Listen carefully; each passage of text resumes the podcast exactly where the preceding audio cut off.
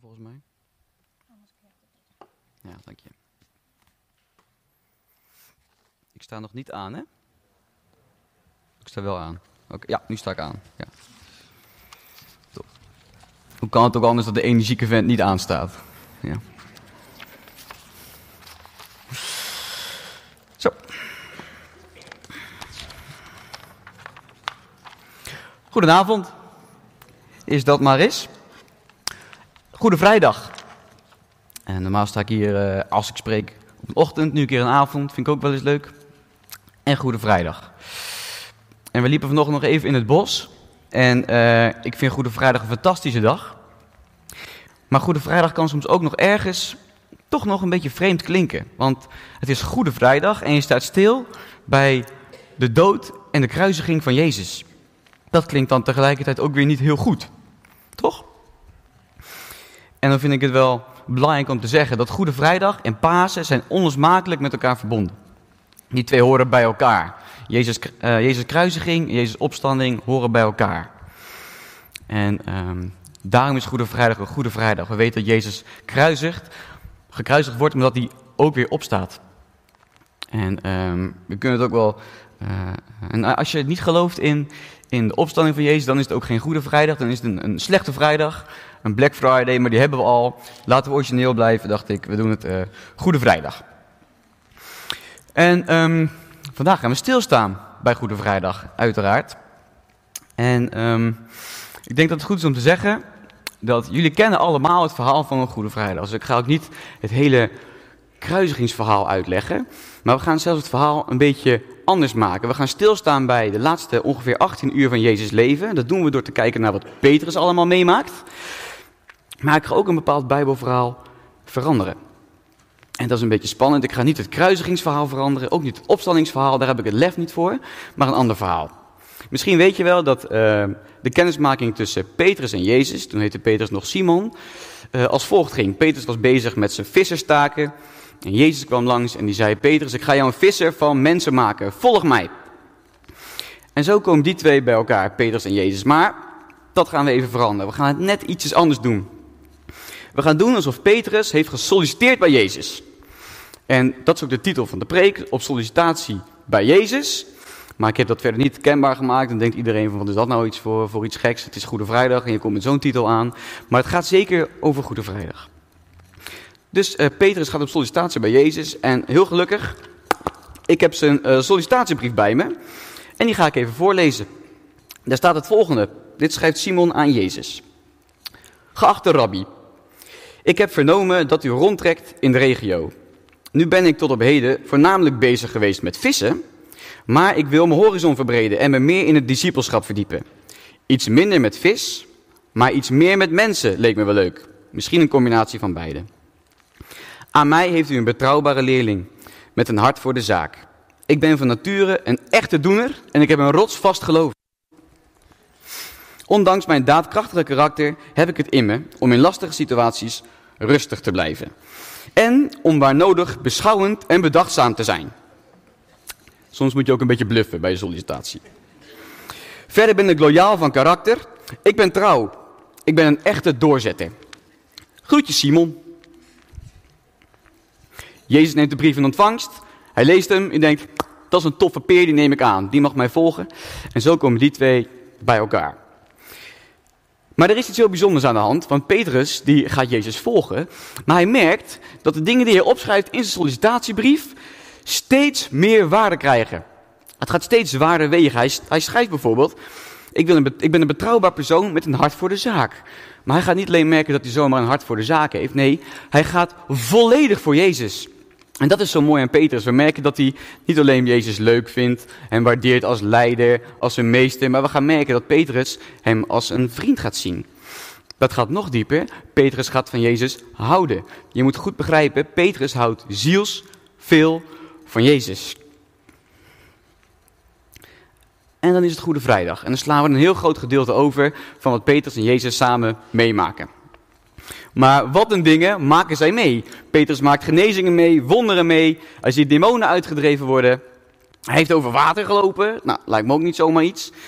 Uh, allemaal dingen die hij meemaakt. En dan vind ik het heel bijzonder om even na te denken over het volgende. Wij, wij kennen de vier evangeliën. We weten dat in de vier evangeliën, Matthäus, Marcus, Lucas en Johannes, gaat het over het leven van Jezus. En in het allerlaatste evangelie, het evangelie van Johannes, en in het allerlaatste hoofdstuk van het evangelie, en het allerlaatste vers van het evangelie, staat het volgende. Dat is Johannes 21, vers 25. Daar staat: Jezus heeft nog veel meer gedaan. Als al zijn daden één voor één opgeschreven zouden worden, zou de wereld, denk ik, te klein zijn voor de boeken die dan geschreven moesten worden. Wij denken misschien wel, we weten precies wat Jezus allemaal gedaan heeft, maar er is nog veel meer. Er is nog veel meer wat Jezus allemaal gedaan heeft. En Petrus was erbij in de laatste ongeveer drie jaar van Jezus' roeping. Hij zat op de eerste rij. We gaan een stukje lezen uit de Bijbel. We gaan lezen uit Matthäus 26 en we lezen vanaf vers 36. En we gaan een, uh, een aardig stuk lezen. Ik denk dat het belangrijk is, ook om in, in een kerkdienst dat te doen. Je kan het op twee manieren doen. We hebben een geweldig Beamer team, die gaan de teksten zo meteen laten zien op het scherm. Wat je ook kan doen is gewoon luisteren uh, uh, en op die manier kijken hoe God tegen jou praat. Kan ook met je ogen dicht, wat je wil. Vanaf vers 36 en we lezen tot en met 58. Ja. Vervolgens ging Jezus met zijn leerlingen naar een olijfgaard die Gethsemane genoemd werd. Hij zei, blijven jullie hier zitten, ik ga bidden. Hij nam Petrus en de twee zonen van Zebedeus met zich mee. Toen hij zich bedroefd en angstig voelde worden, zei hij tegen hen, tegen hen, ik voel me dodelijk bedroefd, blijf hier met mij waken. Hij liep nog een stukje verder, knielde toen en bad diep voorover gebogen. Vader, als het mogelijk is, laat deze beker dan aan mij voorbij gaan. Maar laat het niet gebeuren zoals ik het wil, maar zoals u het wilt. En hij liep terug naar de leerlingen en zag dat ze lagen te slapen. En hij zei tegen Petrus, konden jullie niet eens één uur met mij waken? Blijf wakker. En ik bid dat jullie niet in beproeving komen. De geest is wel gewillig, maar het lichaam is zwak. Voor de tweede maal liep hij van hen weg en bad, Vader, als het niet mogelijk is dat deze beker aan mij voorbij gaat zonder dat ik eruit drink, laat het dan gebeuren zoals u het wilt. En toen het terugkwam, zag hij dat ze weer sliepen, want ze waren door vermoeidheid overmand. Hij liet hen achter, liep opnieuw wat verder en bad voor de derde maal met dezelfde woorden als daarvoor. En daarna voegde hij zich bij zijn leerlingen en zei, liggen jullie daar nog steeds te slapen en te rusten? En dat terwijl het ogenblik nabij is waarop de mensenzoon wordt uitgeleverd aan zondaars. Sta op, laten we gaan, kijk, hij die mij uitlevert is al vlakbij. En nog voor hij uitgesproken was, kwam Judas eraan, één van de twaalf, in gezelschap van de grote met zwaarden en knuppels bewapende bende, die door de hoge priesters en de oudsten van het volk was gestuurd. Met hen had zijn verrader een teken afgesproken. Degene die je kus, had hij gezegd, die is het. Die moet je gevangen nemen. Hij liep recht op Jezus af en zei, gegroet rabbi, en kuste hem. En Jezus zei tegen hem, vriend, ben je daarvoor gekomen? En daarop kwam de bende naderbij. Ze grepen Jezus vast en namen hem gevangen. Nu greep een van Jezus' metgezellen naar zijn zwaard. We weten uit het evangelie van Johannes dat dit Petrus is. Hij trok het, haalde uit en sloeg de dienaar van de hoge priester een oor af. En daarop zei Jezus tegen hem, steek je zwaard terug op zijn plaats, want wie naar het zwaard grijpt zal door het zwaard omkomen. Weet je niet dat ik mijn vader maar te hulp hoef te roepen en dat hij mij dan onmiddellijk meer dan twaalf legioenen engelen ter beschikking zou stellen? Maar hoe zouden de geschriften in vervulling gaan? Waar staat dat het zo moet gebeuren? En toen zei Jezus tegen de omstanders, met zwaarden en knuppels bent u, bent u uitgetrokken om mij te arresteren. Alsof ik een misdadiger ben. Dagelijks was ik in de tempel om onderricht te geven. En toen hebt u me niet gevangen genomen. Maar dit alles gebeurt opdat de geschriften van de profeten in vervulling gaan. En daarop lieten alle leerlingen hem in de steek en vluchtten weg. En zij die Jezus gevangen genomen hadden, leidden hem voor aan Caiaphas, de hoge priester, bij wie de schriftgeleerden en de oudsten bijeengekomen waren. Petrus volgde hem op afstand, tot op de binnenplaats van het paleis van de hoge priester.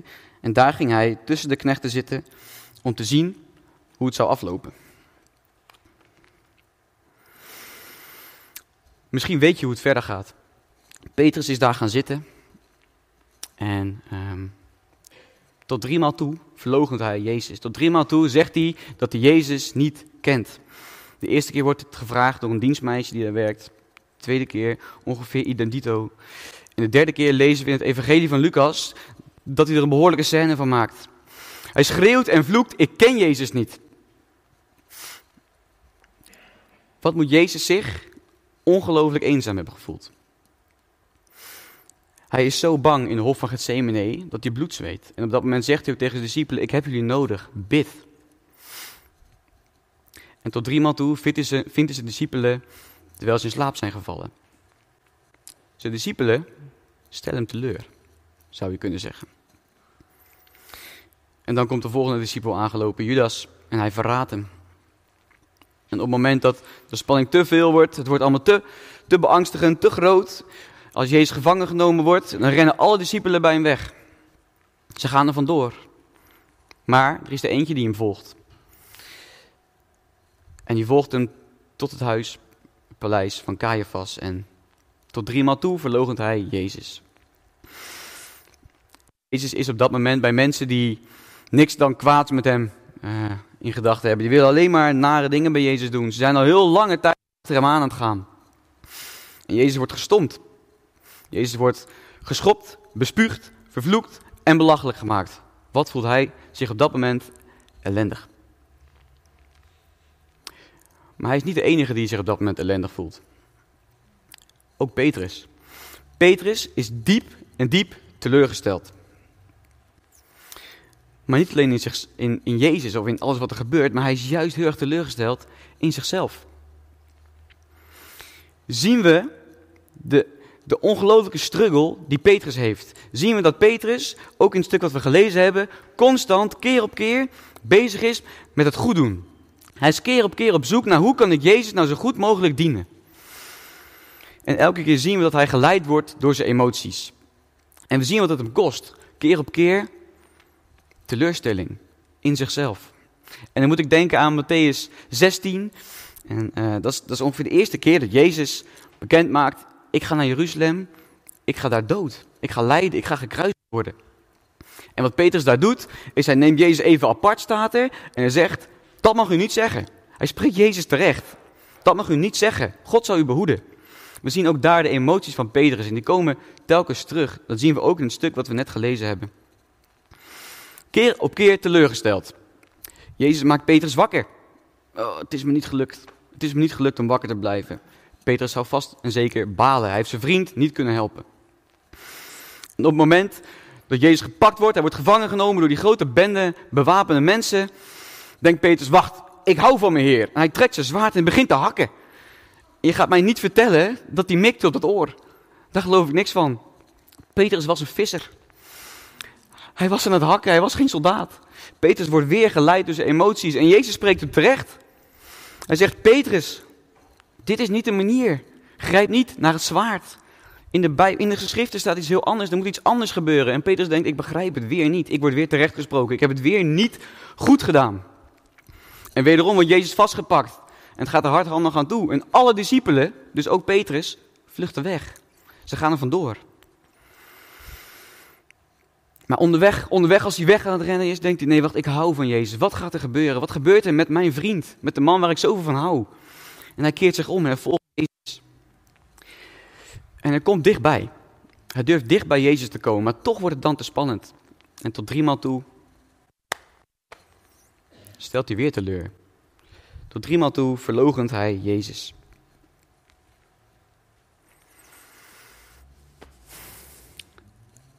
En dat is het dan. Dat is het dan voor Petrus. Tot de kruisiging van Jezus lezen we niks meer over Petrus. Het laatste wat we lezen in de Bijbel, nadat Petrus Jezus drie keer verlogend heeft, is dat hij wegloopt en bittere tranen huilt.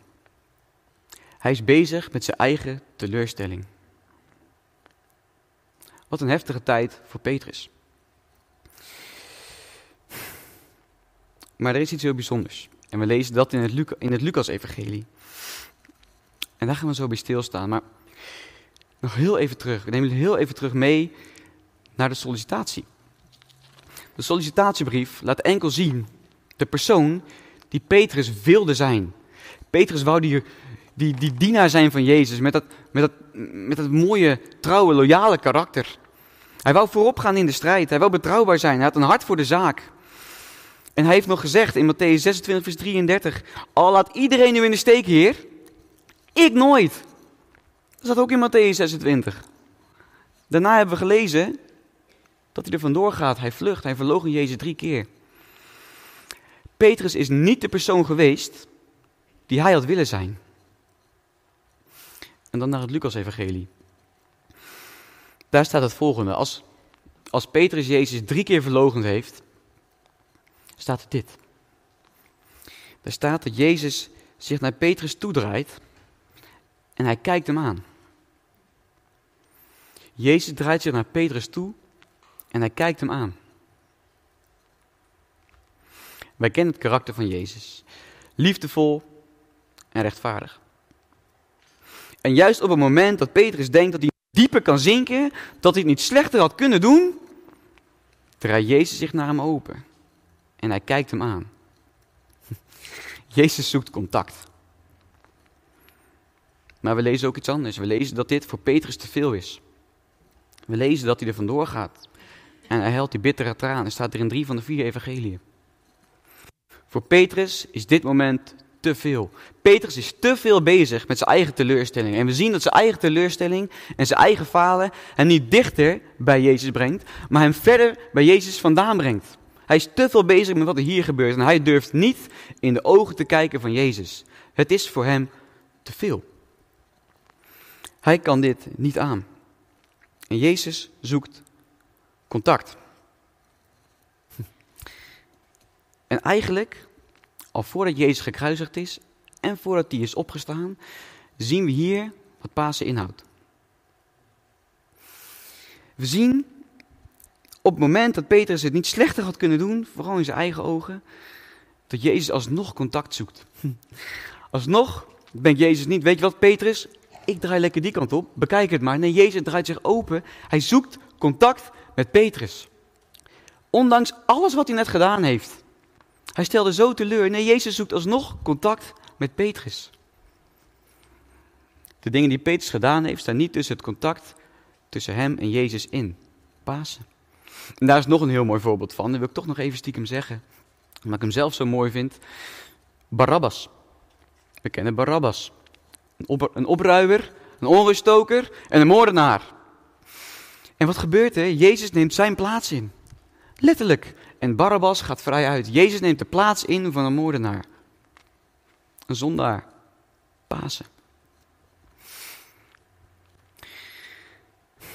We krijgen zo meteen allemaal een moment. Een moment om stil te staan, zelf bij wat Jezus voor jou gedaan heeft. Allemaal krijgen we zo dat moment. Maar ik wil er eerst nog iets anders over zeggen en ik denk dat het belangrijk is. De betekenis voor Pasen voor mij is dat ik me soms kan identificeren met Petrus. En ik weet dat er, dat er heel veel momenten zijn waar ik kan ze zo allemaal opratelen waarvan ik denk, nee, joer, gast, waarom doe je dit?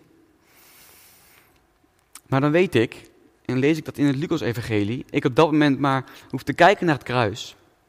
En dan zie ik Jezus deze beweging maken. Kerel, het is oké.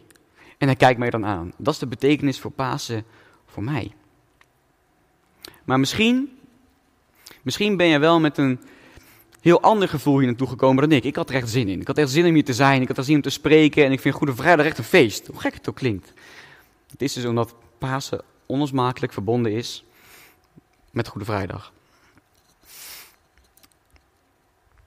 Maar als je hier gekomen bent met een heel ander gevoel, misschien dat je geloof op dit moment helemaal niet zo sterk is, misschien dat je merkt dat je helemaal niet zo zin had in Goede Vrijdag of Pasen, dat het juist ver weg stond, dat je er eigenlijk helemaal niet echt voor open stond, dan wil ik dit tegen je zeggen. Jezus duikt vanzelf weer op. Ook als jij denkt dat Jezus weg is, ook als jij denkt van, weet je, het is klaar voor mij, Jezus is er niet meer voor mij. Of je nou wil of niet, Jezus duikt vanzelf weer op. En dat komt, Jezus is wel altijd gericht op jou. En je gaat in je toekomst hoe dan ook weer te maken krijgen met Jezus. Je mag je ogen even sluiten. En we gaan naar een moment toe dat jij de tijd krijgt om, om Jezus ook te danken voor wat hij heeft gedaan. En om stil te staan bij wat hij heeft gedaan. En weet dat je Jezus niet kwijt bent. En we gaan weer even terug, terwijl je ogen dicht hebt, naar Petrus. Petrus zit diep in rouw. Diep in rouw. Wat heeft hij meegemaakt? Wat stelde hij teleur in juist die laatste fase van Jezus' leven, terwijl hij had het juist op dat moment graag zo goed willen doen? En die eerste dag na Jezus' kruisiging is hij zo verdrietig. Hij is kapot. Kapot van zijn eigen gedrag en kapot van het verliezen van zijn held. En die tweede dag is hij helemaal ontgoocheld, radeloos. Hij is de weg kwijt. Wat is hier gebeurd? Waarom is dit gebeurd? En hoe, hoe, kon dit? Maar dan komt die derde dag. En opeens komt daar Maria van Magdala. En die komt er binnen en zegt: Johannes 20, vers 18, ik heb de Heer gezien. En in Lucas 24, vers 10 lezen we, ze vertelden de apostelen wat er gebeurd was, maar die vonden het maar kletspraat en ze geloofden het niet. En Petrus echter stond op en rende naar het graf. En dan vind ik het heel mooi om het Johannes-evangelie weer bij te pakken. En daar staat dat Johannes ook naar het graf ging. Maar Johannes was sneller. Die was de eerder. Maar die staat voor het graf te wachten. En zoals ik al gezegd heb, de emoties van Petrus, we kennen ze. Petrus was dan weliswaar niet de snelste. Hij was niet eerder dan Johannes. Maar natuurlijk, die dendert zo dat graf binnen. Die rent naar binnen en ziet het graf is leeg. En dan staat er, vol verwondering over wat er gebeurd was, ging hij op huis aan. En dan dit moment. Jezus verschijnt en hij zegt, ik wens jullie vrede. Jezus staat in het midden. Wat moet dit een moment zijn geweest voor Petrus? Petrus die dacht dat alles klaar was. En we lezen in alles wat Petrus meemaakt dat hij niet precies begrijpt wat er nou allemaal gebeurt. En wat er gebeuren moet. Dat Jezus opstaat, hij had het niet voorzien. Hij twijfelde nog steeds en het is toch gebeurd. Petrus denkt het is allemaal klaar. Ik heb het verziekt. Maar nu weet hij, ik krijg dus nog een kans. Ik krijg weer een kans. Dit is niet het einde. Lieve mensen, dit is ook niet het einde. Wij weten, Pasen komt eraan. En je hoeft niet te solliciteren bij Jezus. Jezus neemt jou in liefde aan. Het enige wat je hoeft te doen, is Jezus volgen. En um, in de zaal hebben we een kruis hangen. En, um, voor jullie rechts, voor mij links. En ik gun jullie allemaal het volgende. Ik gun, gun jullie allemaal dat als je, als je hier bent en je weet bij jezelf, er zijn dingen, of je bent thuis, dat kan natuurlijk ook, er zijn dingen waar ik niet trots op ben. Er zijn dingen ja, waar ik me voor schaam. Dan wil ik je uitdagen om het volgende te doen.